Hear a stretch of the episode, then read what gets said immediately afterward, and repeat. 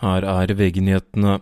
Totalt elleve personer fordelt på seks biler var involvert i en ulykke på rv. 52 i Hemsedal i ettermiddag, det melder politiet. En av dem ble fraktet til sykehus for sjekk, mens to ble kjørt til legevakt etter ulykken. Det skal ikke være snakk om alvorlige skader. En kvinne i 30-årene er dømt til ti måneders fengsel for å ha forsøkt å bortføre sønnen sin, som er under barnevernets omsorg, flere ganger.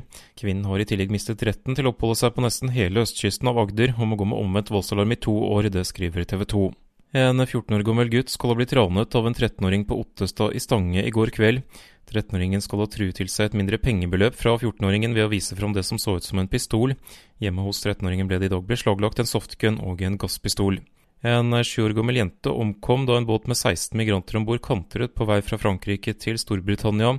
Ti av de 16 som var om bord, var barn. Nasjonaliteten til migrantene er ikke kjent. I studio André Ødeby, nyhetene for alltid på VG.